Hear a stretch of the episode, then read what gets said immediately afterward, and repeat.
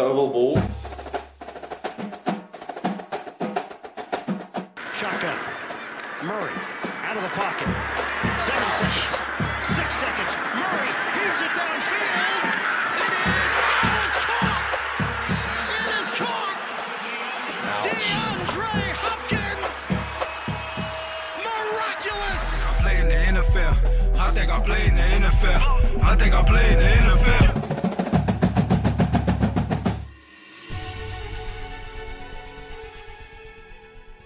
Hjertelig velkommen til Oval ball. Endelig er vi samla i vårt digitale studio. Eh, mitt navn, som alltid, Reia Mølsjåder. Og jeg har med meg Stian Syversen og Kenneth Karlsen.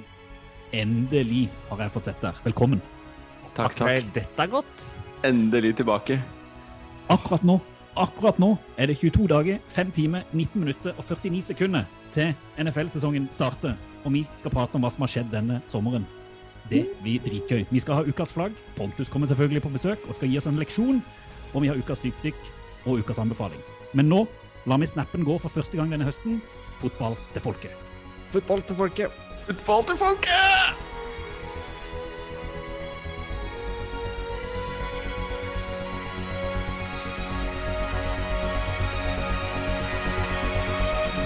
Ølen er åpna. Mikrofonen er på. Endelig sitter vi her og skal diskutere NFL. Og nå, nå nærmer det seg så enormt at eh, jeg ser red zone i det fjerne. Men eh, først, Kenneth. Hvordan har sommeren din vært? Jo, den har vært eh, ganske bra. Det har jo vært eh, pappaperm-leven hele veien, egentlig. Eh, og det har vært kjempebra vær. Har jo stort sett bare vært i Grimstad, så har jeg vært mye på stranda. Eh, det var litt tøft å være, for kona begynte ferien litt seint. Så jeg hadde tre uker alene med begge kidsa. Klart det var jo Tæra jo på en måte bitte litt, men eh, Å, så synd om å være pappa. Og slitsomt. Ja, litt sympati. frekk, da.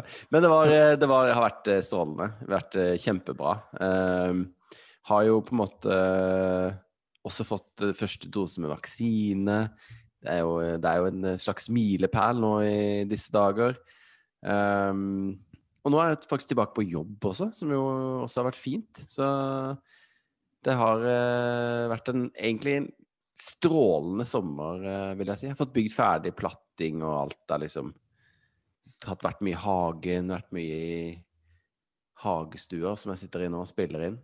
Tuastua, som du har døpt den, uh, Reier. Veldig Så har du blitt inspirert av Asbjørn. Du har fått en tattis. Ja, det har jeg. Blitt inspirert av Asbjørn. Fått en tatovering på min høyre underarm, som egentlig bare er tre sirkler. Så hvis noen har sett eh, Hvis noen har sett min store inspirasjon for den tattisen, det er jo Anniken Jørgensen, eller Annijord, hun eh, bloggeren, som nå skal være med på Skal vi danse.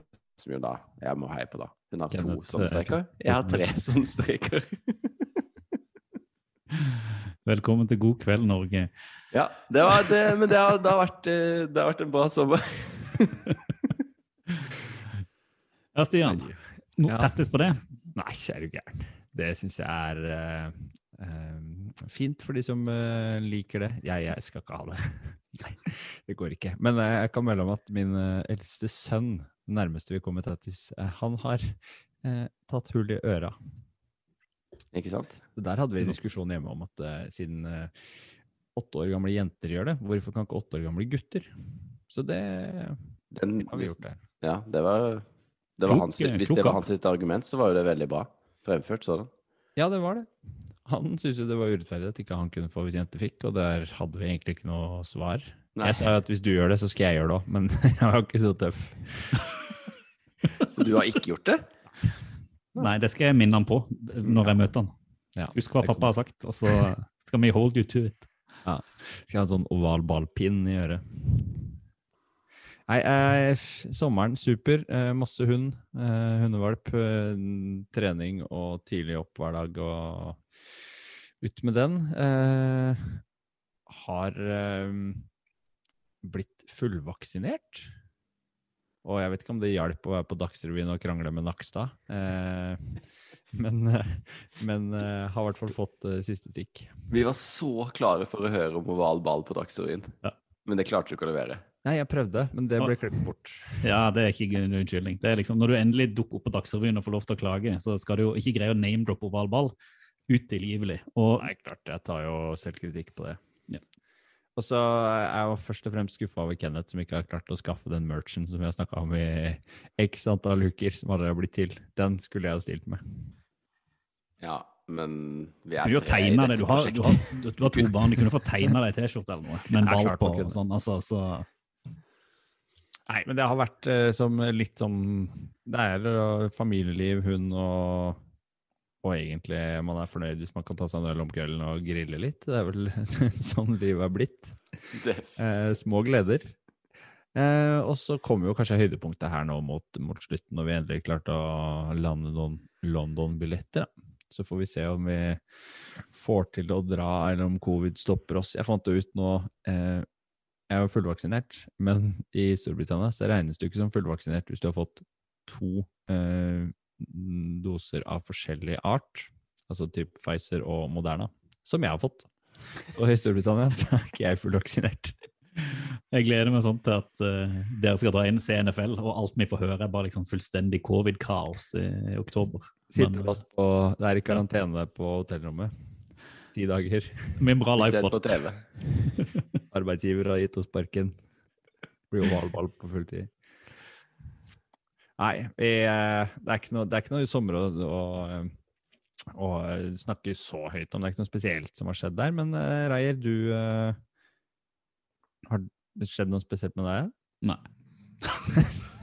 Nei, det har ikke- det det. Rått innsalg. Jeg har liksom hatt, jeg har hatt ferie. Jeg har hatt fint. Hatt, uh, ja, jeg, jeg skulle sitte og syte litt over at jeg har liksom måttet ta vare på én kar, men når Kenneth har liksom uh, binget inn to stykk tre uker, så kan jeg liksom bare si at nei, det har vært en, vært en fin, fin sommer. Strålende sommer. Opp klokka fire. Og... Ja, ja, ja. Jeg har hatt litt tidlig, tidlig morgen sånn, det er sant. Det er sånn halv fire-fire av og til, men det må en tåle. Men nå holder vi på, skal vi flytte. Det har vært en sjargong her, så nå skal vi overta eh, hus på, på fredag. og så Nå pakkes det og står sist, sånn at vi liksom kan få, få flytta inn og eh, få litt, eh, litt plass og litt hage og sånn. Så da skal det, da, liksom det jeg gleder meg mest, er å få seg et podrom. Liksom jeg kan sitte litt i fred og kunne få lov til å kose Ah, jeg med kommer sikkert på besøk, da. Ja, du, ja det, vi, kan, vi kan sitte sammen i det podrommet. Sammen i Og fred. få fred. Ja. Og, og da, skal jeg, da skal jeg få inspirert av dere to, skal jeg få meg et kjøleskap i kjelleren. Det har jeg skjønt er det viktigste når man får seg et hus. Det er et kjøleskap i kjelleren som er full av øl. Det må man ha. Mm. Det må man faktisk ha. Så håper jeg jo at jeg kan eh, få tatt meg en uh, Oslo-tur uh, om ikke så altfor lenge, sånn at vi kan kanskje få spille inn en uh, pod sammen. Sånn sammen sammen. Det hadde vært hyggelig. Men, men sånn, for å avslutte sommerpraten, Reier. Ja. Høydepunktet på sommeren, hva var det? At barnehagen åpna. Det kan du ikke si. Nei da. Jeg var på Sørlandet i et par uker, det var veldig deilig. Hele familien og få litt barnevakt og kunne gå ut og spise på restaurant og gå ut og ta seg noen øl ute. Og, altså rett og slett det at covid tok seg bolle, iallfall på Sørlandet. Så har man følt at man levde litt, eh, litt normalt. Det var kanskje det største. Eh, Det høres jo rart ut, men det var ganske stort. Det er liksom gå ut og spise seg en god middag på restaurant og bare kose seg. Så eh, jeg skulle, jo, jeg skulle jo selvfølgelig ha lagt det ut på, på sosiale medier, for jeg skal jo si dere har vært gode til å legge ut både hunder og kylling og sånn på, på våre sosiale medier, kanskje spesielt Instagram, da, ovalballpod. Eh, så vi må jo bare minne om at vi òg har en Facebook og en Twitter-konto med samme navn, hvor det utover høsten vil komme òg NFL-relaterte ting, ikke bare kyllinger og, hunder. Så jeg anbefaler jo alle å droppe inn der og følg oss, og gjerne droppe en melding i DM-en hvis du har et eller annet du vil vi skal ta opp, eller et eller annet feedback du har. Vi, vi ønsker innspill på både hva vi skal diskutere, og hva vi må slutte å diskutere. Ja, og hva vi skal filme på Instagram. Kom gjerne med ønsker der òg. Jeg går og venter på egg, da. De har ikke begynt å legge egg ennå. Så når det skjer, da blir det kaos på Instagram. Nei, jeg vet ikke. De er vel, det tar vel litt tid, da. Men nå, nå, nå er det nok både kylling, hund og ja, hus. Nå må vi sette i gang.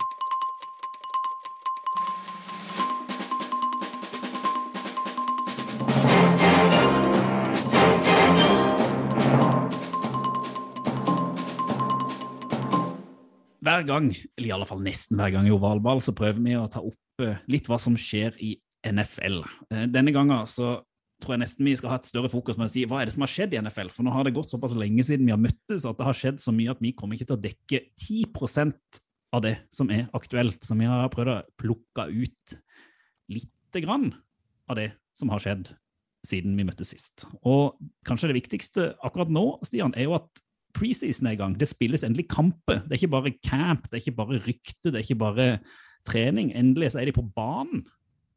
Ja, det er nå vi liksom ser oppladninga til sesong for fullt. Vi ser eh, rookier som testes, og ingen viser korta sine. Eh, spesielt så er jo eh, meldinger fra alle lag er jo at alle spillere er jo helt supre og i kalasform og aldri sett bedre ut. For nå, Ja, skal, de- de, de like nå skal det ljuges, og det skal spilles eh, poker. Eh, og det bygges virkelig opp til sesongen, da. Eh, og det er jo det vi eh, har sett frem til nå i helt siden februar, egentlig. Og gleda oss til. Og, og eh, sett frem til da Husker ikke hvor mange dager du sa det var. Her er 22 dager, eller noe sånt. Ja, nå er det vel en av fem eh, timer og 45 minutter eller noe, eller 40 minutter. Så ja, det er nærmeste. Sekund for sekund. Ja, den torsdagen der blir Den blir sein. Men én ting, for det, og det er jo litt sånn som jeg, jeg jeg har fulgt med noen år, men det syns kanskje er litt sånn spesielt i år, eh, liksom det er så utrolig mye usikkerhet rundt hvem er det som skal være liksom, lagets eh, hjerte og hjerne i quarterback-posisjonen. For tidligere det har alltid vært en diskusjon litt sånn hvem går inn, men jeg føler det, du kan nesten gå gjennom halve liksom, potten av laget i NFL, og man kan være litt usikker på hvem er det egentlig som kommer til å starte, hvor lenge kommer de til å spille. Hva tenker du om det, Kenneth? Altså, jeg tror sånn, Jeg føles jo litt som nå, nå har jo ikke vi fulgt med så lenge, men at de to siste åra har det vært et ganske unike år eh, for quarterbacks i, i draft. da. Mm. Eh, at det har kommet inn en sånn syv-åtte stykker eh, over de siste åra som har kunnet gått inn og spilt. da. Eh, og da blir jo også forventningene deretter òg. Og nå er det jo flere rookies som kommer til å starte i år også. Eh, og man føler jo litt at det er uh, ganske mange gode quarterbacks der ute nå, da. Uh, og da, da er det jo litt sånn at det blir mer konkurranse. Og så Noen lag har jo henta rookies, og andre lag, sånn som Broncos f.eks., har jo to som ikke er rookies, men som konkurrerer sånn som det ser ut nå, da, på lik linje om å skulle starte. Mm. Og sånn er det jo i, i flere lag. Og så har du jo Jacksonville Jaguars hvor eh, de sier at eller de har ikke sagt ennå at Trevor Lawrence skal starte week one. Så, men det er jo bare en åpenbar løgn, da. Så jeg skjønner ikke hvorfor de liksom skal liksom eh, late som at de skal starte med Gardner Minshew når alle vet at de skal starte med Trevor Lawrence. Så, Du må, sånn, jo, må bygge opp. Må bygge opp. Det er ja, jo, men det er jo bare tøys. Altså, alle vet at det er tull. Men, eh, men ja. Hvis vi, vi gjør det litt systematisk og prøver liksom å se på hvilke på læreren. lag Hør er på det Jeg Orka ikke det der introen der. Det var for mye surr. Ok, ta frem Excel-skjemaet, Stian, og kjør på. Ja, men hvis vi ser på, hvis vi ser på de lagene hvor det er litt diskusjoner om hvem skal starte, så er man, kan man starte i Broncos, for, for eksempel. Drew Lock og Teddy Bridgewater. Hvem starter, Kenneth? Jeg tror Drew Lock starter. Det er basert på den siste kampen nå, hvor begge var ganske gode. Og da tror jeg de har lyst til at De har jo mest De har vel forhåpentligvis sannsynligvis mest lyst til at Drew Lock skal lykkes. Som de drafta for eh, to år siden, eller i fjor, når det var, og som de i prinsippet satser på. Mm. Teddy er jo i eh, sånn Hvis det går til Helgoland, og de må ha en som skal eh, holde tøylene til det kommer en ny en inn. Ja, for Denver så har de jo et ganske sånn solid eh, defensivt lag, og så har de ganske god o-line, og så har de ikke så verst løperekke, og Ja, heller ikke så Masse bra våpen. Mm. Ja, ikke sant? Og der er jo quarterback-posisjonen vært den som har vært eh, i krise, spesielt i Mm. fjor, hvor de spilte en match uten quarterback. Og da er jo spørsmålet De har drafta inn, eh, eller henta inn, uh, trada inn, uh, Teddy Bridgewater. Mm. Jeg tror ikke de gjorde det for å få han til å spille. Jo, men jeg, jeg, tror de kommer, jeg, tror, Ken, jeg tror de kommer til å starte med Drew Lock, men han må han kan fort spille seg ut. Altså Du sitter kanskje allerede i en week three hvis Ja, han ikke har levert eh, med det arsenalet de har, Nettopp, og Teddy da får sjansen og kan Ja. liksom gripe han. For dette er playoff-lag, Mm. uten tvil. Sånn at eh, hvis, hvis det, Kanskje til og med week to, hvis det ser ut som det bare går åt skogen med Drew Lock, så kommer de til å sette inn Teddy ganske Ja, for han har ikke mye tålmodighet nå. Nei, nei, og, og jeg tror jo også at, tror jo at Fangio, selv om han er sånn uh, defensive eh, wizard uh, genius-type, type, da, så tror jeg han ikke sitter eh, veldig trygt i Denver. Ikke, I hvert fall ikke hvis ikke det blir playoff, da. Nei. Et annet lag som eh, man ser diskusjoner om eh, startplassen på quarterback, det er jo faktisk eh, hos våre to venner McCorkle eh, Jones og, og eh, Cam Newton. Der Ja. er det fortsatt ikke helt eh, satt hvem som eh, tar første snap. Nei, absolutt ikke. Men jeg håper det blir Cam. Ja. ikke? Jo, Jo, det er vanskelig å sette ut Cam der. da. Jo, men jeg, jeg, tror, jeg tror liksom du sitter nesten med samme situasjon der som du Ja. sitter i, i Houston. For liksom Ryktene går i hvert fall av det jeg har hørt og lest av Mac Jones, at han er, han er så vanvittig, han er så stabil. Altså Han Ja. går inn, han gjør det han skal gjøre, han lærer. Han er liksom ikke, han er ikke, han er ikke Cam Newton spektakulær. Han gjør liksom ikke det der eh, crazy runs eller gjør noe ville kast, men han er bare han er stabil. Så hvis Mm. Cam da går inn og har en sesong som han har hatt de siste sesongene, hvor han er spektakulært ustabil, så tror jeg det fort òg kan bli Mac som kommer inn eh, week three, week four, får lov å spille, gjør det OK, og bare liksom sakte, men sikkert overta den, eh, den plassen. For der er vel greia i New England nå ser ut til å være at nå har Cam Newton fått våpen. Mm. Det hadde han Mm. ikke i fjor. Nå har de henta både receivers og tight ends som kan hjelpe han i, i det offensive spillet. Og de har en ganske god uh, O-line også, som sannsynligvis vil gi han tid til å styre opp angrepet. De henta jo verdens største mann tilbake, han, mm. han uh, tacklen der. Uh, hva var det han het for noe? Trent Brown fra Raiders. Han er så svær, han. Uh, og så har de jo um, har de jo fått tilbake en del opt-outs, annet uh, Dante Hightower i, i forsvaret. Mm. Sånn at uh, de også er jo ja, Det er jo fullt mulig å tro på at New England skal gå- nå playoff. Eh, og derfor så tror jeg også at den samme som med Drew da, som du sa, Reir, at, at tålmodigheten med Cam Newton er nok ikke veldig lang eller stor, men jeg tror jo at eh, han kommer til å starte. Og det virker jo som at Belichick er helt sånn Cam Newton-fan, nesten. Altså at han, eh, han, han stiller seg jo bak han, støtter han og står liksom på en måte ved, ved Cam, da. Når jeg det, leser, det er ikke så rart, det. Altså, for hans maksnivå er jo helt sånn. Det er jo helt Ja, ja. enormt. Ja. Og vi er jo, vi er jo biased da, fordi vi elsker Cam Newton, så vi vil jo at han skal spille. Men Noen Og vi- eh, elsker også McCorkle. ja, ja. ja, men det er Hvis gøy vi med Mac Jones oss òg, da. til Ja, ja, det hadde vært kjempegøy. Men han får sjanser. Det gjør han. Men vi får se om han gjør det i Game Week 1, eller om det blir utover sesongen. Men, eh, men apropos eh, altså, nye quarterbacker. For vi har, jeg sitter, jeg sitter liksom, nå sitter jeg og ser på Excel-lista di her, Stian, som du har Mm. sendt meg i forhånd. For du er jo en lærer, så du gir oss jo lekser, sånn at vi får litt, eh, for, fordyper oss litt før vi skal prate. Men altså Og nå pågår det sånn leksedebatt i samfunnet som for øvrig. I Men morgen, liksom, vel, så skjer det jo ingenting. Ja, ikke sant? Det hadde ikke blitt en så god pod hvis ikke vi hadde hatt lekser. Nei. Men for, for å ta rett og slett lista over liksom, de tre andre store nye quarterbackene, altså Zack Wilson, Justin Fields, Trey Lance. Uh, Zack Wilson, tror dere han går rett inn og eier Ja. det Jets-laget? Nei. For, for, forklarer du først, Stian, så skal du få lov å hakke Stian sine argumenter ned, Kenneth. Ja, men han har vist, eh, Første treningskamp så viste han jo at han har den kastearmen som eh, kreves for å skape place. Eh, og så ser det ut til at han får tillit, backing, eh, har en coach og en headcoach som tror på han. Og jeg tror det kan bli så enkelt som det at de gjør, gjør spillet såpass enkelt og legger det opp for Zack Wilson sånn at han kan lykkes. Det er klart at De kommer jo ikke til å nødvendigvis nå et sluttspill i New York Jets, men de kommer nok til å ta flere seier enn de gjorde i fjor.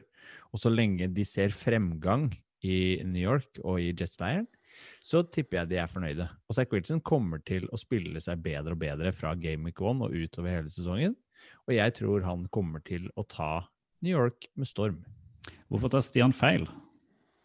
Jeg tror ikke nødvendigvis han tar helt feil, men jeg tror bare ikke at han kommer til å være så bra i begynnelsen. Jeg håper at han får tillit, da. Men eh, kommer, det jeg tenker på, er bare at han kommer fra en, en mindre skole, rett og slett. da. Og den eh, nivået opp til NFL er jo større, lengre for han enn for type Lawrence og, og Fields, i hvert fall. da. Men så har liksom Wilson og, og Lance kanskje samme, samme bås der, da. Men, eh, men eh, ja, jeg bare tror at eh, det kan ta litt lengre tid med han da, enn med noen av de andre. Så jeg tror ikke det kommer til å bli veldig bra i år med Jets. Men jeg håper jeg tar feil. Jeg elsker jo rookies. Jeg syns jo det er bare det, er det gøyeste å ha sett en draft og kunne liksom følge de med. Men at alle disse fire-fem skal lykkes, det skjer jo ikke, liksom. Det skjer ikke. Jeg sier ikke at han skal gå inn og være MVP fra Game Week 1. Jeg sier bare at han kommer nok til å heve quarterback-spillet hos Jets fra første stund, fordi han har en annen inngang og en litt annen arm, og har sannsynligvis et nytt system som er bedre tilpassa han. Så Ja jeg tror det kommer ja, de til å se ingen- greit ut. Han kommer til å spille alt uansett, for de har vel ingen på benken der som har noe å sette inn, liksom. Det er ikke noe Ryan Fitzpatrick-type som de kan sette inn for å hjelpe i slutten av kampen eller noe sånt. Her er det nøklene til bygget til Wilson fra dag én. Det, Liksom. det er vel en fordel, for da har han heller altså har han litt mer backing enn at man har noen som står og puster i ryggen, som vi har sett Ja. det, altså. det vi har diskutert tidligere.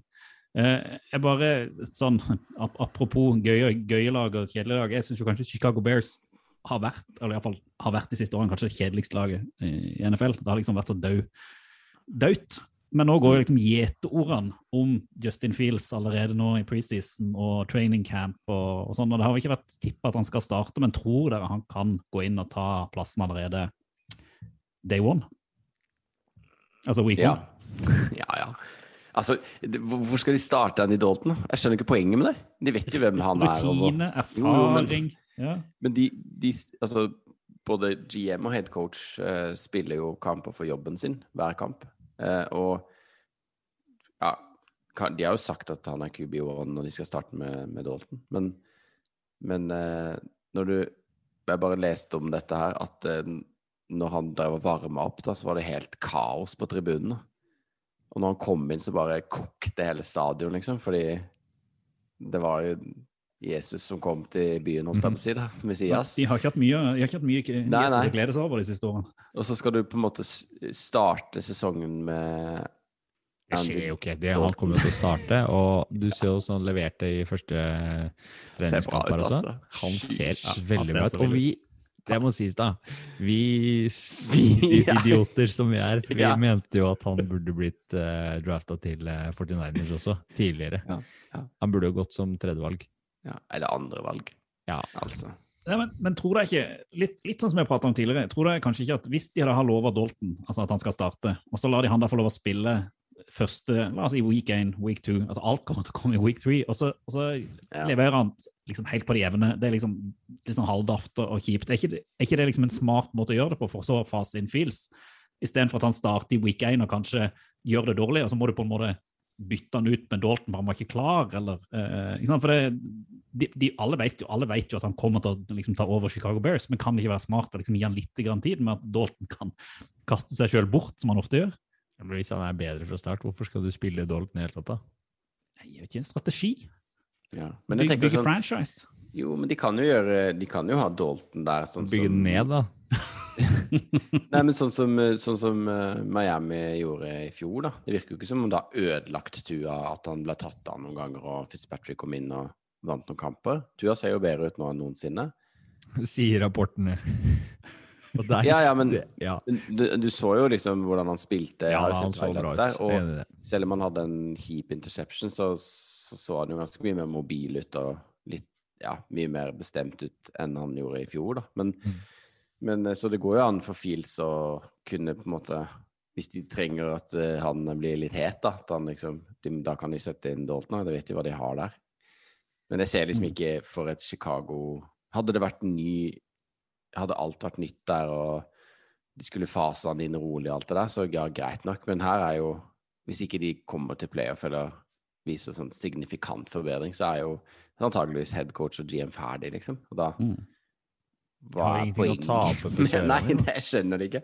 Men nå er jo ikke vi NFL head coaches, da, så det er jo klart at det er sikkert mye som eh, som ligger bak når de skal ta disse avgjørelsene. Men jeg syns bare det virker helt merkelig når du har en så god spiller.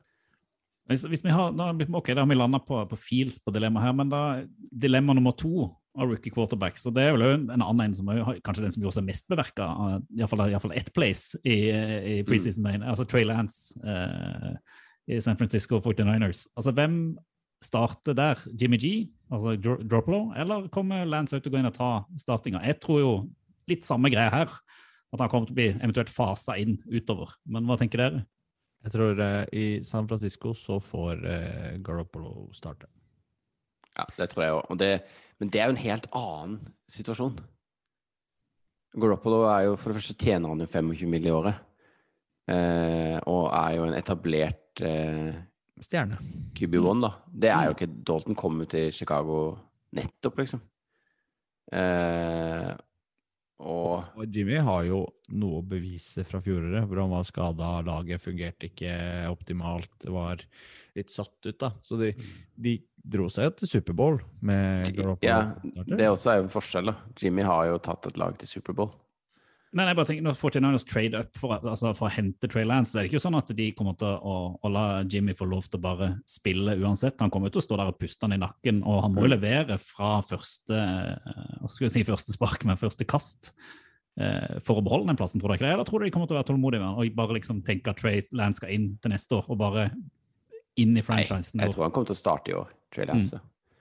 Men så er jo se- sett fra et trenerperspektiv, så er det jo en gunstig draft å gjøre, da. Å få inn en ung, sulten løve som kan stå bak og puste en etablert eh, stjerne i, i nakken, når den stjerna kanskje ikke har levert så bra som man skulle ønske, hvis man tenker tilbake til det kastet som kunne avgjort Superbowl for to år siden. Så eh, kan man jo se om, om Garoppolo svømmer, eller om han drukner under det presset, da. Og 49ers har jo Sånn som det ser ut, så har de bye week i uke seks. Mm. Perfekt. Da, da legger vi inn den spådommen, så må vi prate det i week 7. Så ser vi da hvem som starter for San Francisco. Og da, da vanker den Ja, eh, eller i week one, kanskje. Ja, ikke sant. Eh, Nei, men han liksom... så jo bra ut på sånne highlights og sånn, da. Så så Alle ser bra ut på highlights, da. ut. Ja. Det er ikke noe å si på det. Trey Lance, altså. Mm.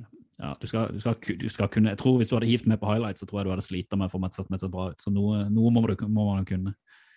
Eh, en duell som jeg tror jeg prata kjempelite om, jeg vet ikke om det blir en duell òg, men jeg syns likevel det er litt gøy. For det er jo Jeg har, jeg har på en måte outa min kjærlighet, kjærlighet for Sam Darnold siden han kom inn i NFL, men han har jo aldri gitt noe tilbake, for han har jo ikke vært spesielt god. Og nå skulle han da gå til Carolina Panthers, være QB1.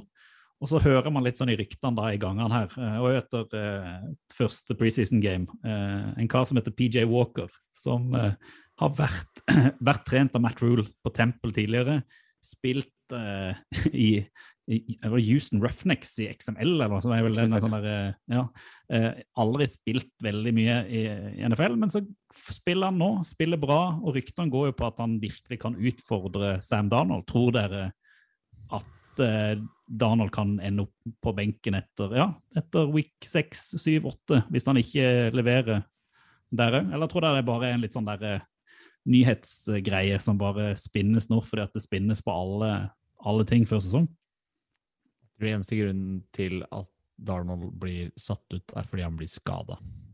Ja, Jeg tror de har tror- investert såpass i han at de tenker at han skal starte, og at han ikke kommer til å gjøre det noe dårligere enn det de leverte på i fjor. Og at de gir han en ny sjanse, og da gir de han en sesong. Jeg tror bare det spinner også. Eh, Darnold eh, kommer til å få to sesonger, fordi han har jo Jeg tror han har guaranteed i ut to år. Og Mm. Eh, PJ Walker spilte jo en kamp i fjor, tror jeg. Ja, han spilte én eh, pga. skade. Han var ikke spesielt god, men, Men da eh, hadde de jo ikke CMC heller, da. Nå, Nei, jo, måte, nå har de jo et, et, kanskje et litt bedre lag rundt, da. Men eh, nei, jeg tror at de har gutsa for mye på den Da er det to på rad de har på en måte trada til. Eh, og de, har jo, de gikk jo Lot jo Lance Nei, jeg mener Fields gå i draften, på en måte. Så det kan jo hende det biter det litt i halen. Så så jeg tror, de, eh, jeg tror de kommer til å spille Darnold ganske Som Stian sier, hvis han blir skada, så kanskje så kommer han jo inn en annen. Men jeg tror, tror det er det som må til. altså. Mm. han kommer til å ha full tillit.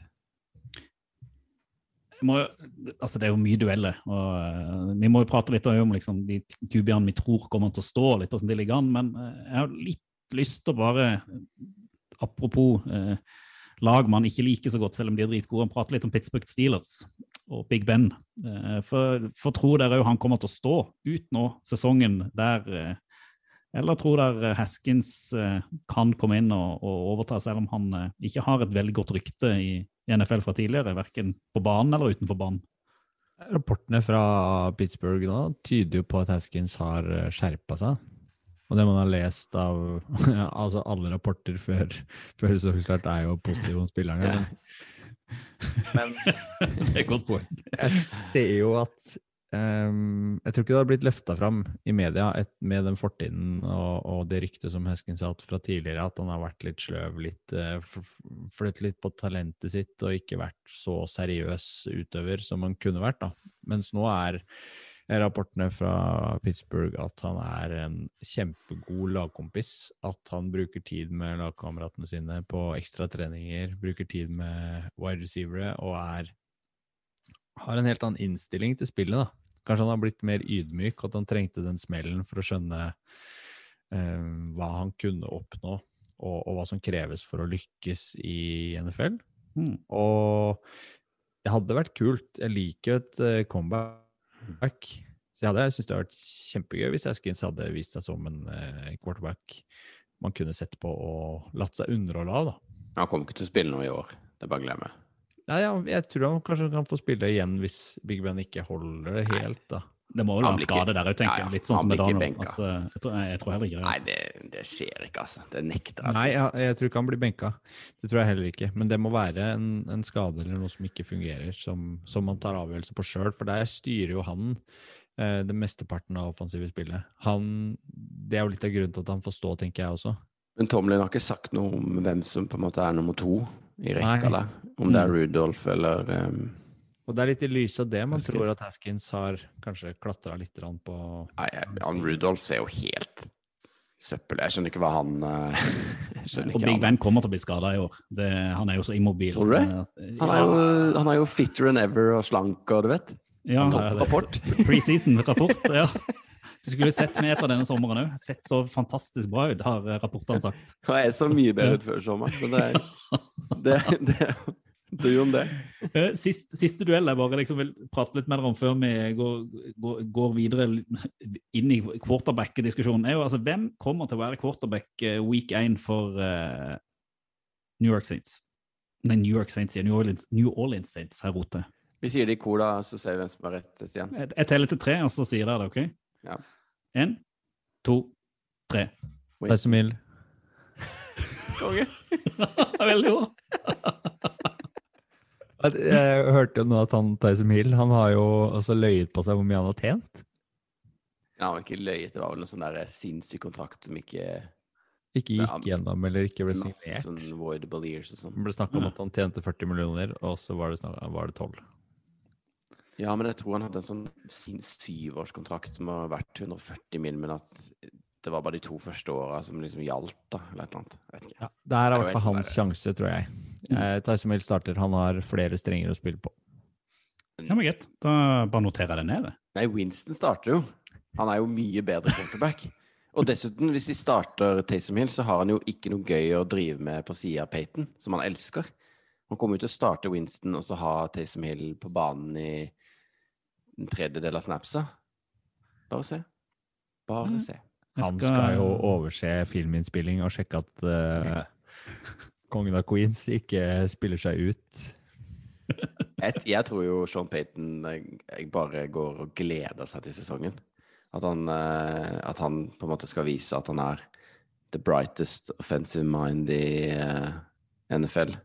At han selv uten Drew Brees skal lede dette laget til masse seire. Og har masse morsomme plays eh, opp i ermet. Så gleder jeg meg litt til Saints sin sesong.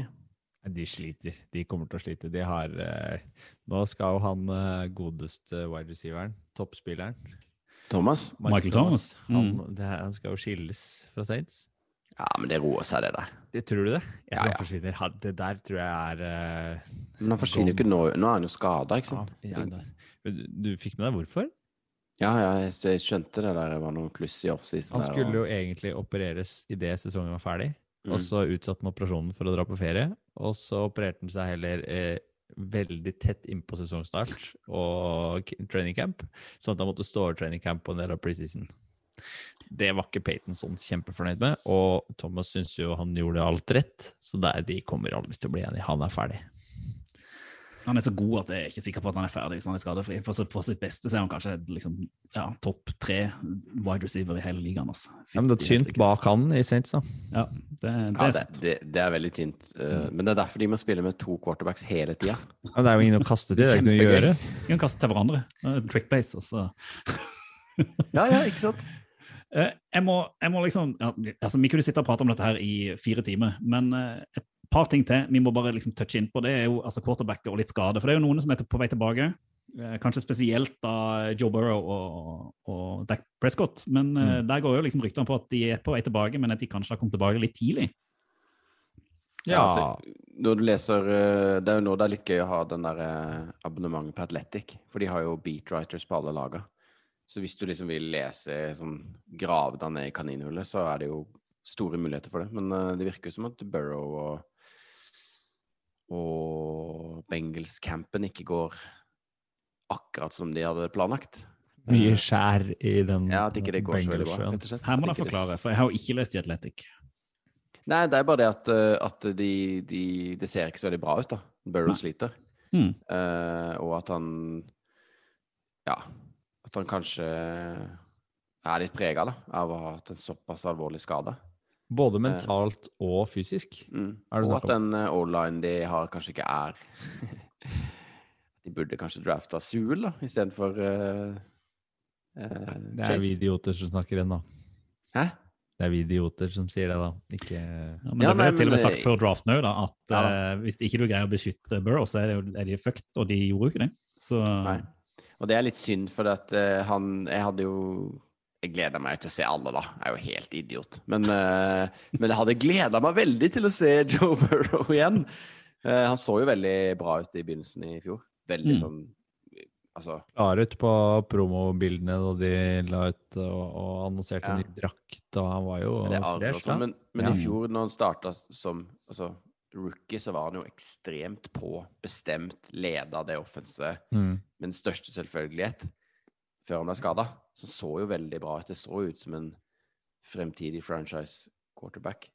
Så For at, eh, så, så tyder dette her veldig på en sånn litt desperat franchise, da. det lukter jo trenerbytte her, da. ja, men som Tidlig. ikke er liksom kald nok til å se an og, og lese situasjonen, lese rommet, lese quarterbacken, lese lederen din, og se hvilken tilstand han er i.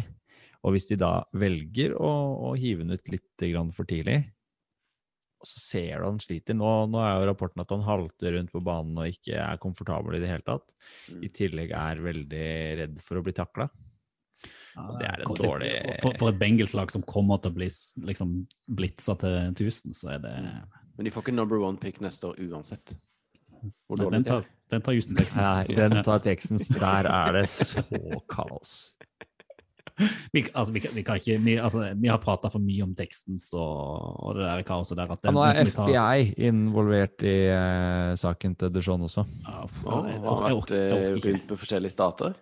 Ja, nei, nå er det Nei, altså, helt kok. Og jeg- der hørte jeg på uh, PFF-podkasten her om dagen også, hvor de tok opp der. Og jeg er litt enig i et poeng de tar opp hvor de er Selve Texans-ledelsen, da.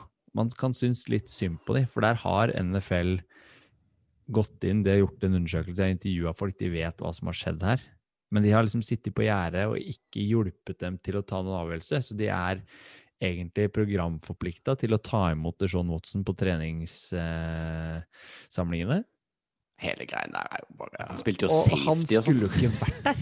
Ja, han skulle jo ikke vært der. Han skulle jo sitte i en eller annen celle, virker det på meg, da. Men han skulle i hvert fall ikke vært til stede på, på training camp og, og fått så mye publisitet hvor uh, Og teksten skulle fått arbeidsro på et vis, da. De har jo mer enn nok å jobbe med sånn ved siden av ved siden av Deshaun også, så Nei, der med er sesongen er vel at teksten savner på bunnen. Den er Mm. liksom, den er, den er fanga. Jeg, må bare, jeg må bare spørre, for jeg syns det er liksom Jeg nevnte Dac Prescott i stad, men når man da går for å ta en MR når man er på, på training camp, eh, bare, at, bare for å sjekke noe og så er det sånn, i, Apropos gode nyheter, nei, nei, han skulle bare liksom ta en ekstra MR bare for å liksom se at alt var bra, og så kom han tilbake, og alt var greit. Du, det er noe der som, Ja. som skurrer. Enig. Og det er jo ikke bra i det hele tatt. Du gjør jo ikke det bare for å sjekke noe. Altså, Jeg går ikke ned på Volvat her og bare tar en MR bare fordi at ah, jeg hadde litt vondt i kneet for et par år siden, så jeg skal bare se at det ser fint ut inni der. Det føles veldig bra, altså. Alt er fint, men altså Vi kommer tilbake til dekk når vi skal snakke litt om ukas anbefaling etterpå, kan vi jo si. Så eh, da, da kan vi ta det litt der.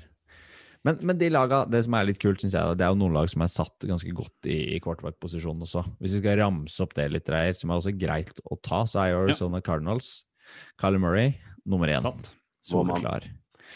Kansas City Chiefs, Patrick Mahomes, soleklar. Tampa Bay Buccaneers, The Goat. Han Soleklar. er jo sjef, og han har vært så konge i uh, offseason nå. Ah, Følg han på Instagram, altså. Det, Ja, Twitter overalt, bare følg han. Han er konge. Tom Brady har eh, vokst på meg. Han liker seg nå. Nå har han Ja, fått litt mer frihet og fått bestemme litt mer. Og, ja. Tennessee Titans, der får jo Ryan Tannehill eh, litt å jobbe med, med Hulu Jones. Det blir gøy. Ja, det blir Det blir gøy, altså. det blir gøy, altså. Ja, og de skal jo valse gjennom divisjonen, ikke sant? så kan det bli 50 poeng i både hist og her, spør du meg. Mm. Og et av lagene vi skal se i London, Atlanta Falcons, der står jo Matt Ryan eh, som soleklar ener. New York Giants hvis vi kommer oss dit, da. Da skal vi se Kyle Pitts live, altså. Ja, hvis ikke han skal, da. Det, altså. ja, det kan jo ikke gjelde alle. Stay sånn, positive. uh, New York Giants, uh, Daniel Jones får en siste sjanse. Men det så vel ikke så bra ut, leste jeg et sted. det var tynt. Tynn suppe. Jeg Det tror jeg er siste sesongen hans. sin. Ja. Eller Det er vanskelig å si. Han får i hvert fall spille.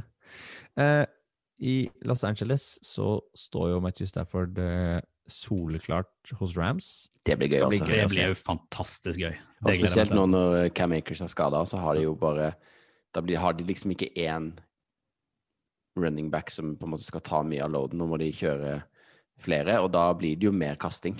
Mm. Og det er jo det Stafford er god på. Oh, det er så han deilig har å se jo han han treffer. Han har folk å treffe òg, så det Ja. blir Og McVay og Nei, det blir gøy. Chargers, Los, Los Angeles der. Eh, Justin Herbert, da. Klarer han å levere monstre når du ser Ja. de treningsvideoene han Ja, ja. Han blir bare bedre og se. Ja, ja. Han er det, det der, Ikke redd. det er jo potensiell MVP, altså. Han er så god. Han er så god. Så, og nå har han fått langt hår igjen, heldigvis. Jeg håper ikke han klipper seg før sesongen nå, altså. Det er viktig, det Utseendet er viktigst. Presence. Altså, og, og i Minnesota, der, der sitter Cousins. Selv om altså, Minnesota, der er det mye Ja. covid-kaos. Altså, Ja. Han som skulle bygge glassvegg inn i garderoben og nektet å ta vaksine. Så han, han står jo, men altså, hvis han holder, liksom, fortsetter der, så til slutt så får han ikke lov til å spille. Jeg tror Så- ikke Mike Zimmer er kjempefornøyd. Nei.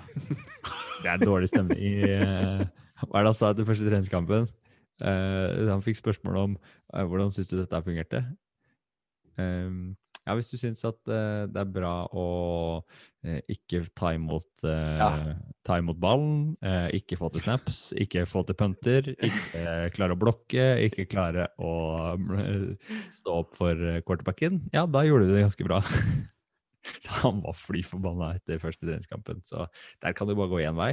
Eh, og potensielt da Superbowl-kandidat Bills, der står jo selvfølgelig Josh Allen med ny uh, fantastisk kontrakt, og der legger de jo alle liksom eggene i kurva og lar han få lov til å kanskje kjøre Bills nå til helt til topps. Det er vel en av de bedre sjansene de har hatt på veldig, veldig lenge. Der er jo spørsmålstegnet litt som Her Herbert, om han kan levere på samme nivå ett år til. Mm. Og samme mm, Altså andre som er klare, er jo eh, er jo Tua i Dolphins, som vi var litt innom. Eh, han må levere. Han Mm. leverte ikke i fjor, og han eh, har altså. litt press på seg. Det blir Mm. kjempespennende. Og Lamar Jackson i Baltimore Ravens. Han har hatt covid to ganger nå. Sto over starten av, eh, av eh, preseason her. Men vaksine, det skal han iallfall ikke ta. Nei, nei, jeg trenger ikke det. han hatt han ikke på å lese seg opp nå, da? Nei, Jeg lurer på hvor prega han er, da. Ja, han, han løper jo, han har jo et løpespill, så der er jeg kjempeusikker på om han kommer til å greie å holde sesongen. Hvis han har noe eh, som henger igjen fra coviden. Men det får vi Mm. bare følge med på. Ja, Og så er det jo litt eh, knuter på tråden i kjærlighetsforholdet mellom, eh, mellom Pete Carroll og Russell Wilson i Seattle også. Om de klarer å bli enige og, og liksom få satt spillet, så, så kan det bli kjempebra. Men det er jo alltid noe. Det er andre sesongen det har vært eh, Eller andre offseason. Det har vært eh, trøbbel i tårnet i Seattle. Det er med andre ord altså, Dette her er liksom dette er første episoden vår etter ferien, og uh, vi har så mye å prate om. Men vet du hva? Vi, vi må kutte denne hva som skjedde i NFL. Vi. Vi må, vi, må rett og slett, vi må rett og slett videre. Vi, har ikke, vi må spare opp litt resten av, resten av høsten. Nei, vi må ta en til. Og det det, er Aaron Rodgers som kommer til å starte for Green Bay Packers. Ja, MVP MVP i fjor. Han må vi følge med på. Skal jeg si at Jordan Love går inn der, altså? Red Rogers går i streik? Week three, var det ikke det du sa? Jo, week three. Alt skjer week three. Idiot.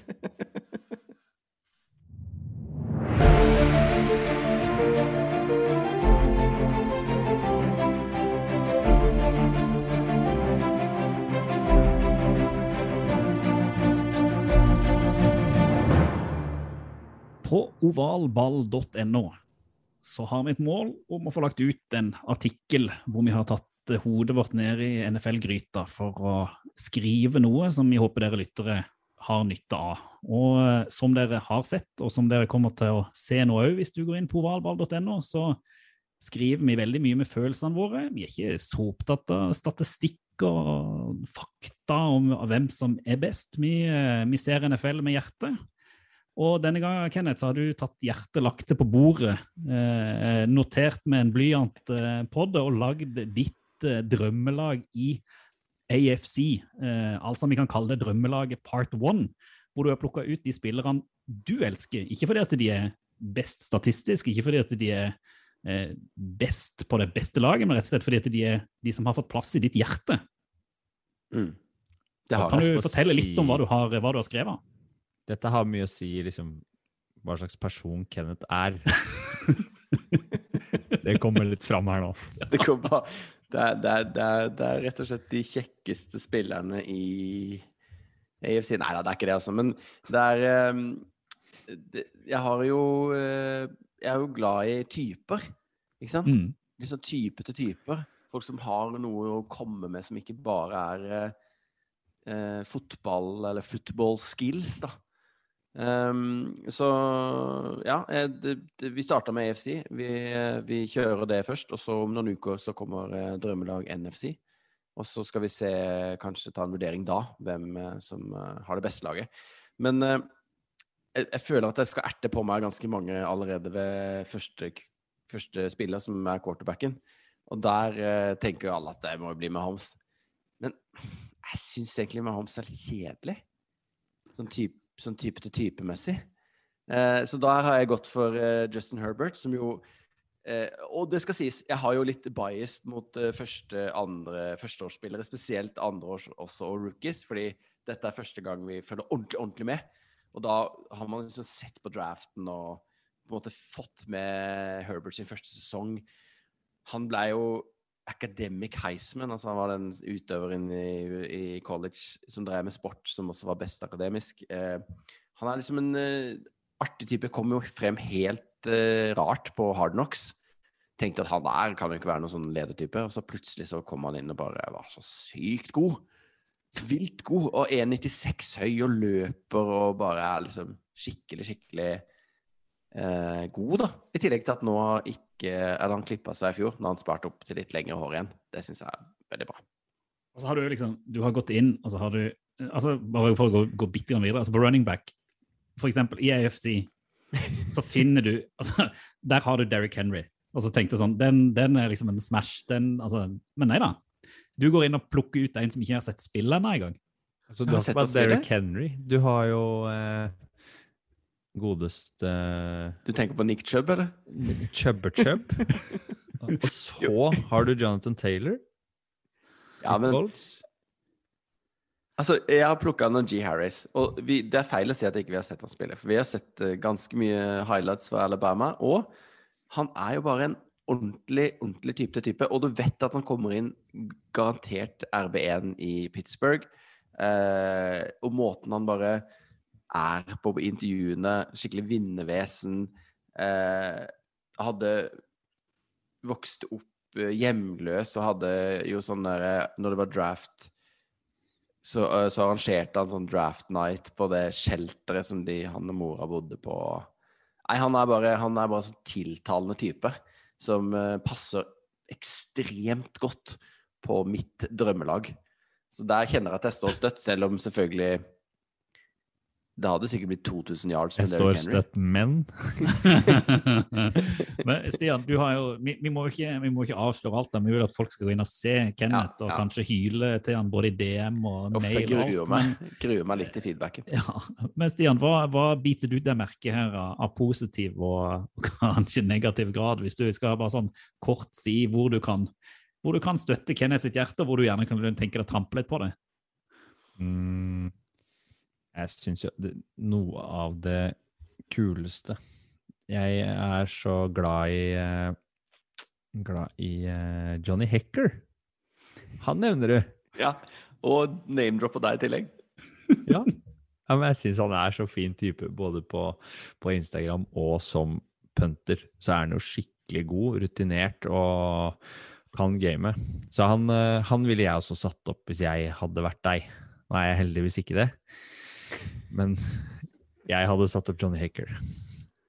Og så er det, jo en, eh, er det jo også en uh, hommage til uh, Reier også i verdens beste punter, i Presley Harvin, den tredje, som kommer rett inn fra rookie. Men han hadde jo en helt sinnssyk uh, preseason-kamp hvor han la fire-fem punts inne på yard 1 og bare var helt vilt god. Så det er jo Det er gøy. Og så må jeg nevne uh, Keenan Allen. Den eh, mest undervurderte wide receiveren i ligaen. Han er steinbra. Så det er noen gode spillere òg, altså. Alle Ja, er gode. Du, du, har jo inne, altså, Ja. du har jo inne Von Miller, som den sesongen han var i Denver i Superbowl. Altså, jeg har aldri sett, aldri sett noe bedre. Altså, defensive end. Det var liksom bare Ja. Det, Ja, for jeg, har- jeg har jo defense òg. Der var det litt verre, jeg skal innrømme. Men på offense så har jeg jo eh, satt det opp i en shotgun-formasjon. så det er bare én running back, og så er det tre wide receivers. Det er litt fordi at det er så mye dybde i wide receiver-posisjonen at Og de er jo veldig type til type, mange av de, så det er gøy å skrive om de, og gøy å lese om de, og sånn, og gøy å se på de. Så da måtte jeg ha tre wide receivers. Mm. Også på, på defense så har jeg satt opp i en 4-3. Eh, for, og da er det jo tre eh, tre linebackere, da. Eh, så det er jo Ja, defense var litt verre, skal jeg innrømme. Uh, syns jo guard uh, Nei, eh, jeg mener defensive tackle-posisjoner, som eksempel, er ikke så lett. Sammen med guard på offense. Det er jo mye store mennesker som kanskje ikke har så fremadstormende personlighet, hvis jeg kan si det uten å tråkke for mye på det. Bare for å avbryte litt der, Kenneth, så, så har jeg ransaka personligheten min og innsett at jeg Når vi snakker om Johnny Hacker, så er vel det i feil eh, divisjon. Ja, det er det. Det var derfor jeg ville ikke si det, Ja. men det er jo Nei, det er jo feil divisjon. Så det var jeg som, som blingsa og tenkte feil eh, Los Angeles-lag. Eh, men da kan jeg heller skryte av deg for et annet valg du gjorde, som jeg er veldig fornøyd med. Og det er eh, Tyron Matthew i eh, Chiefs. Der. Ja, han er jo, han er jo skikkelig type til type. Er Og nå skal det jo sies at, at eh, på kicker i AFC så er det selvfølgelig Justin Tucker som skal ta de, de Mm. sparka, ikke sant. Mm. Uh, og på, på punter så er det Presley Harvin. Det er jo ikke Johnny Hacker. Men det kan hende vi får se Johnny Hacker i det andre laget mitt, da.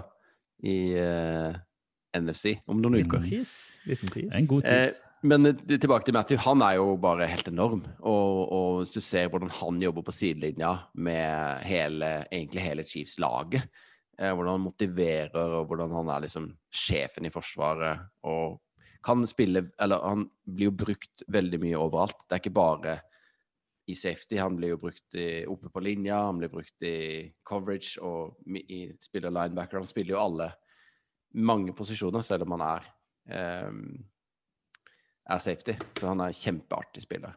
Kjempeartig.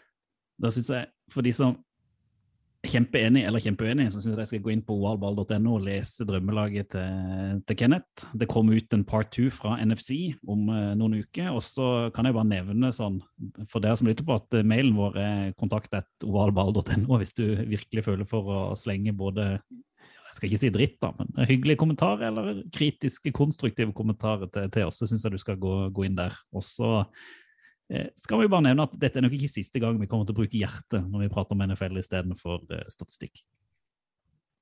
Khalif Raymond from the 30. Flag is down.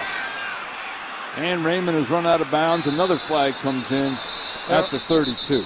There are six flags on the field. I spalten Ukas flagg har vi som vanlig òg denne høsten invitert inn vår eh, favorittsvenske Pontus til å lære oss eh, de mange NFL-reglene som vi ikke kan. Eh, Hjertelig velkommen, Pontus. Takk, takk for at jeg får komme tilbake. Det er en stor, stor glede. Uh, og vi tenkte jo for å liksom gjøre, det, gjøre det enda mer jeg skal ikke si akademisk, men enda mer lærerikt, at vi skulle rett starte høsten med en type blocking school. Og det skal vi komme litt tilbake til, at vi har litt leksjon i, i, i regler rundt eh, blokking. Men aller først så må jeg rett og slett eh, høre med deg. Har du hatt en fin sommer? Ja, det måste jeg si. Jeg har eh, faktisk fått åka til Sverige for første gangen på ja, sen jul eh, 2019 Oi. og treffe Ja. familien. Så ja, det har vært en bra sommer. Det var høydepunktet, det der, eller? Ja, det var det. Var det. Pappa fyllde 70 i sommer også, så eh, ja, da fikk jeg faktisk resa tilbake og fire han. Ja, Så så det, det var nice. Og bra for ungene å treffe bestefar og Ja, og kusiner og sånne biter. Jeg hadde Mm. faktisk fått en, en bror som har fått et barn som jeg ikke hadde truffet som eh, nesten et år. Ja, ikke sant. Det er mye, det er mye sånn ting rundt korona som man egentlig ikke tenker så mye på. Men eh, det er veldig fint at du fikk i hvert fall uh, endelig uh, reise igjen, da. ja det, var, det, var, det var veldig deilig. Jeg har haft en veldig fin sommer i Sverige, så ja. Det er nesten sånn at du snakker mer svensk nå enn du gjorde Var mer på svorsken, for eh, jeg er jo kjent som svensken da, så da, då må jeg nesten snakke svensk. Ellers Ja. så tror ikke folk på meg. Nei, jeg vet det. Det er viktig å levere på den. Ja, men det, det, det er viktig liksom å prate, prate hjemspråket. Det, jeg var Ja. på ferie på Sørlandet òg nå og fikk kritikk for at jeg knoter for mye. Jeg prater ikke godt nok dialekt, så det tror jeg er viktig å, å holde på, på det man kan. Jeg, kan- jeg, kan ikke prate verken svensk eller norska. Det, eh, jeg i Sverige så tror de at jeg prater norsk og er jeg i Norge så tror de at jeg prater svensk. Ikke sant, monetaren. Heldigvis så skal vi prate NFL her i dag, og det, det prater du veldig godt. Mm. Så det, det språket kan det, det språket kan du bedre enn at de fleste. Uh, Ja. Jeg tenkte, tenkte kanskje å gå litt inn, inn på, på det vi skulle gjøre i, i dag. Uh, og det er jo da at vi har eh, liksom, vi introduserer en, en blokking-school. Eh, hvor vi da kjører litt ulike leksjoner innenfor eh, altså regler rundt blokking. Og i dag så tenkte jeg liksom det første leksjon eh, er da det som heter below waste. Men kanskje du kunne, før vi går inn på det, bare liksom si litt sånn generelt om blokkingregler i, i NFL, med, med fokus da på kanskje dette med below waste, hvis det går an. Ja, eh, altså blokking er jo nog en av de mest fundamentale tingene som skjer på fotbollbanan i det hele tatt. Eh, det skjer på i stort sett varje spill på lite olika måter. Eh, om det så är eh, offensive line som blokker for at quarterbacken skal passe, eller om de blokker spillere for at noen skal kunne løpe med bollen. Så ja, det, det er noe som skjer hele tiden. nå.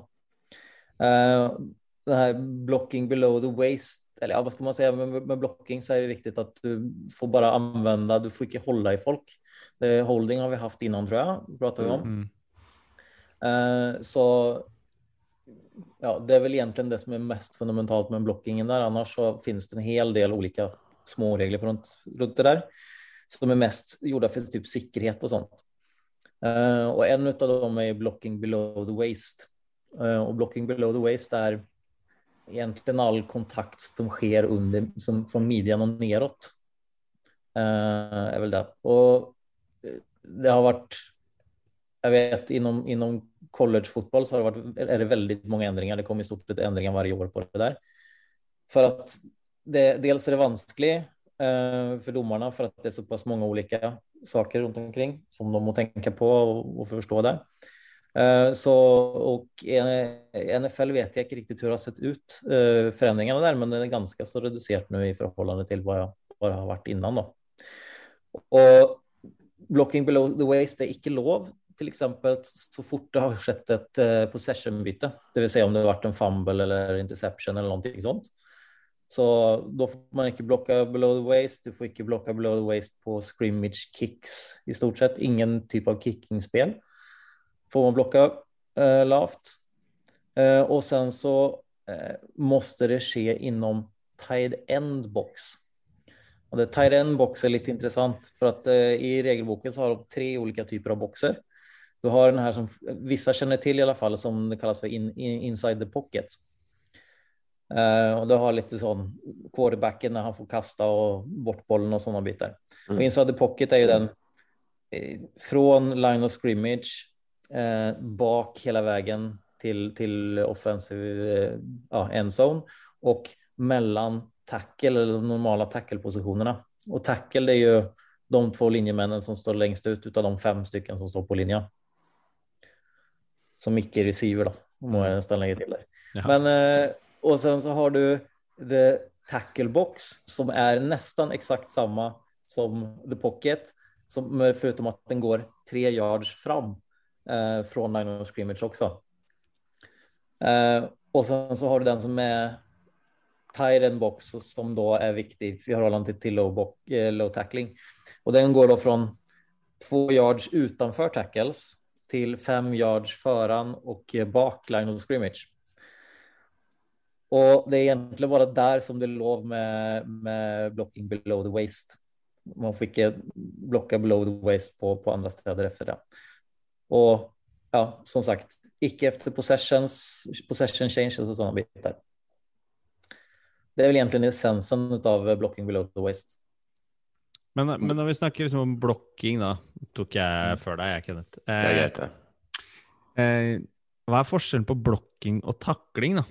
Det er kanskje der man, man står litt sånn i beit på, på, hva som er hva. For er blokking det å kaste seg etter en og hindre at han takler eh, quarterbacken? Det er ikke lov, eller? Hvordan? Ja, takling gjør du på noen som, som er ball carrier, altså noen som har bollen. Mm. Blokking gjør det på folk som ikke har bollen, i stort sett. Ja. Det er vel det som er skillnaden. Og når du tacklar eh, eller blokker eller takler hva du gjør med noen som har bollen så er det veldig mye mer som er lov jämfört med hva som når de ikke har bollen. Mm. Så du kan jo takle spelare som ikke har bollen också. Eh, det er f.eks. når när de ehm, eh, de faker, gjør en fake handoff til running backen og så behåller QB'n bollen og løper bort. Eller om han faktiskt ger bollen men han fejkar att han behåller den då kan han åka på tacklingar och sådana bitar också. Så då kan du tackla spelare som ikke har bollen. Mm. Men det är i stort sett mot någon som har bollen eller någon du tror har bollen som er tackling. Men är det sånn da at hvis den sier at du har en edge som kommer inn fra sida for å ta quarterbacken, mm -hmm. eh, og så hvis han er i tight end-boksen, så kan tight end egentlig bare hive seg ned og ta beina på han, liksom. Mens en tackle kan ikke gjøre det hvis han kommer inn på den sida. En tackle må stå opp og ta han oppreist, på en måte. Nei da, det er in, inside the tackle box, eller the tight end box. Ok. Så det er alle som er innenfor to yards utenfor eh, tackles og innom fem yards fra line of scrimmage på begge sider. Ok. Så alle som er inni der, da kan de bare hive seg ned, da? Og så liksom de, nesten spenne bein, da, men bruke kroppen til å liksom spenne bein på ja. en måte, da? Ja. De kan ikke spenne bein, for det er ikke lov. Nei, nei, jeg skjønner, men du kan liksom kaste deg ned på beina, da. Mm. Yes, mange ganger mm. så bruker de gjerne kroppen og kaster det i faren folk. Ja. Mm. Eh, og sånt. Eh, det beror litt på vinkler og sånt de kommer på, men ja. Mm. Hm. Ja, da lærte vi noe nytt i dag. Det er noe å se etter dette. Da. Det er litt gøy når man liksom kan disse tingene. Kan man kikke etter det på, på, inn, under kampen. Ja, I hvert fall Ja, de ja, boksene. får man ju bli... Ja. Ja, bokserne ja, det er litt vanskelig å se ute på, for de har Ja, Man ser jo ikke de, men, men man har liksom ikke tenkt over at det er ulike soner og de har ulike navn. I hvert fall ikke når jeg sitter og Første gang jeg hører om det nå. Ja. Vi lærer alle mye nytt her, ass. Det er bra, bra spalte. Ja, men, men pockets prater de ganske ofte om i kommentatorboksen, Ja. så det har man ganske ofte. Mm. Outside the pocket. Mm. Så de er, de er ikke, det er ikke stor forskjell, og de små forskjellene som er, er i stort sett bare for dommere å vite. Det er det beste jeg har hørt. Dette er gøy. Det der, det er fett. Oval ball anbefaler. Oval ball prøver jo, samtidig som vi prøver å lære bort litt, som dere skjønner, så ønsker vi å anbefale litt. Og i spalten Ukas anbefaling så prøver vi å trekke fram noe som vi tenker kan være interessant for våre lyttere å sjekke ut, og kanskje spesielt dere da, som ikke har sånn vanvittig mye kunnskap om NFL. Og i dag, Stian, er det du som har fått anbefalingsjobben. Og hva, hva trekker vi fram denne uka? Eh, Denne uka her så er det vanskelig å komme unna det som kanskje kan regnes som starten av NFL-sesongen hva gjelder TV-produksjoner. Det er Hard Knocks med Dallas Cowboys, America's Team, eh, som blir portrettert. Jerry Jones eh, som salter seg i hjel på en, eh, en Egg McMuffin, eller hva det er for noe han spiser. Eh, Episode én eh, ligger ute på, på Viaplay da, for norske eh, abonnenter der. Det er mulig man kan se den på, på GamePass eh, på NFL og HBO. Jeg er litt usikker på tilgangen for norske Ja, du får ikke, det er ikke på HBO Nordic, tror jeg. Ikke på HBO Nordic, melder Kenneth. Da er det ikke det. Men eh, den første episoden er fantastisk. Der får du virkelig eh, blitt kjent med Vi var innom og snakka om eh, Dak Prescott i stad, og der får du litt innblikk i hvordan han er så overtent på å spille. Og så ser man liksom hvordan de håndterer Dak Prescott i, i starten av eh, sesongen, og han slippes løs på trening og får lov til å kaste. Eh, Ezekiel Elliot er jo også, når vi snakker type til typer, Kenneth, så er jo han type til type? Et unikum. Han er type til type. Det er ingen tvil om det. Og vår favoritt da, fra, eh, fra Draft uh, Night, Michael Parsons, han fremstår jo som han er, han er så sulten. Det klippet som har florert på sosiale medier hvor han egentlig blir sur fordi han blir tatt ut. Han får spille fem snaps, uh, tror jeg, i Hall of Fame-matchen i Canton. Og får en telefon fra treningsboksen og får streng beskjed om å bare Du, eh, nå er vi ferdig for i dag. Det er greit. Ja, men jeg har så vidt varma opp. Får ikke Bare, bare én til, da. Nei, du er ferdig. Ja, men seriøst? Ja, seriøst. Nå Ja, men vær så snill. Nei, glem det. Du setter deg. Så går han skuffa og sluker. Altså sånn ordentlig sånn skuffa hund med halen mellom beina setter seg og, og blir oppriktig lei seg. Men der skrytes jo ferdighetene hans opp, og man får liksom et eh, Man får et innblikk i, i Michael Parsons uh, spillsett, og det er ikke oppskrytt. Så det er uh, definitivt en, uh, en uh, serie man burde se nå for å lade opp til kommende NFL-sesong. Jeg regner med at episode to den ble publisert i USA nå, eller er rett rundt hjørnet, og den ligger i hvert fall ute på, på Viaplay på, på fredag. Så sjekk ut det. Dere kommer til å kose dere. Ovalbanen. Fotball til folket. En time i godt selskap går veldig, veldig fort. Jeg tror til og med jeg har brukt mer enn en time på dette. her, dere. Dette har vært eh, Det er så Altså, nå har vi, nå har vi prata NFL i, siden mars, og nå er det liksom sånn Nå, nå kan vi se lys i enden av tunnelen. Nå skal vi endelig få lov til å se fotball igjen. Nå skal vi få lov til å se ligaen starte opp. Og vi har mange planer denne høsten om hva vi har tenkt å gjøre. Eh, allerede neste uke tenker vi å kanskje prøve oss på en liten eh, patosbasert spesialepisode, bare for å fyre opp mot sesongstart. Har det vært hyggelig da, dere? Ja, Dere ble altså, så det er- stille. Det er bare så deilig å, å prate NFL. Og så er det jo nå Nå er det liksom bare Du kjenner det ligger så Følelsen er bare Å, det er så nærme nå! Jeg gleder meg så sykt mye! Første red zone, og Scott Hansen driver Nå er det syv, det er syv, to uker igjen, tre uker igjen, så han bare fyrer opp. Ja. Nei, det har vært uh, helt uh, midt på tre, terningkast tre-fire, det her. vel der vi skal ligge og slure sånn til vanlig. Vi har litt surr, men vi må ha altså, Det er jo litt, alltid litt litt oppstarts... oppstarts. eh, Ja, jeg har vært på ferie, og altså, hunden din måtte ut og drite, Stian. Ikke sant? Altså, ting, ting, ting skjer. skjer. Ja, ikke sant? skjer.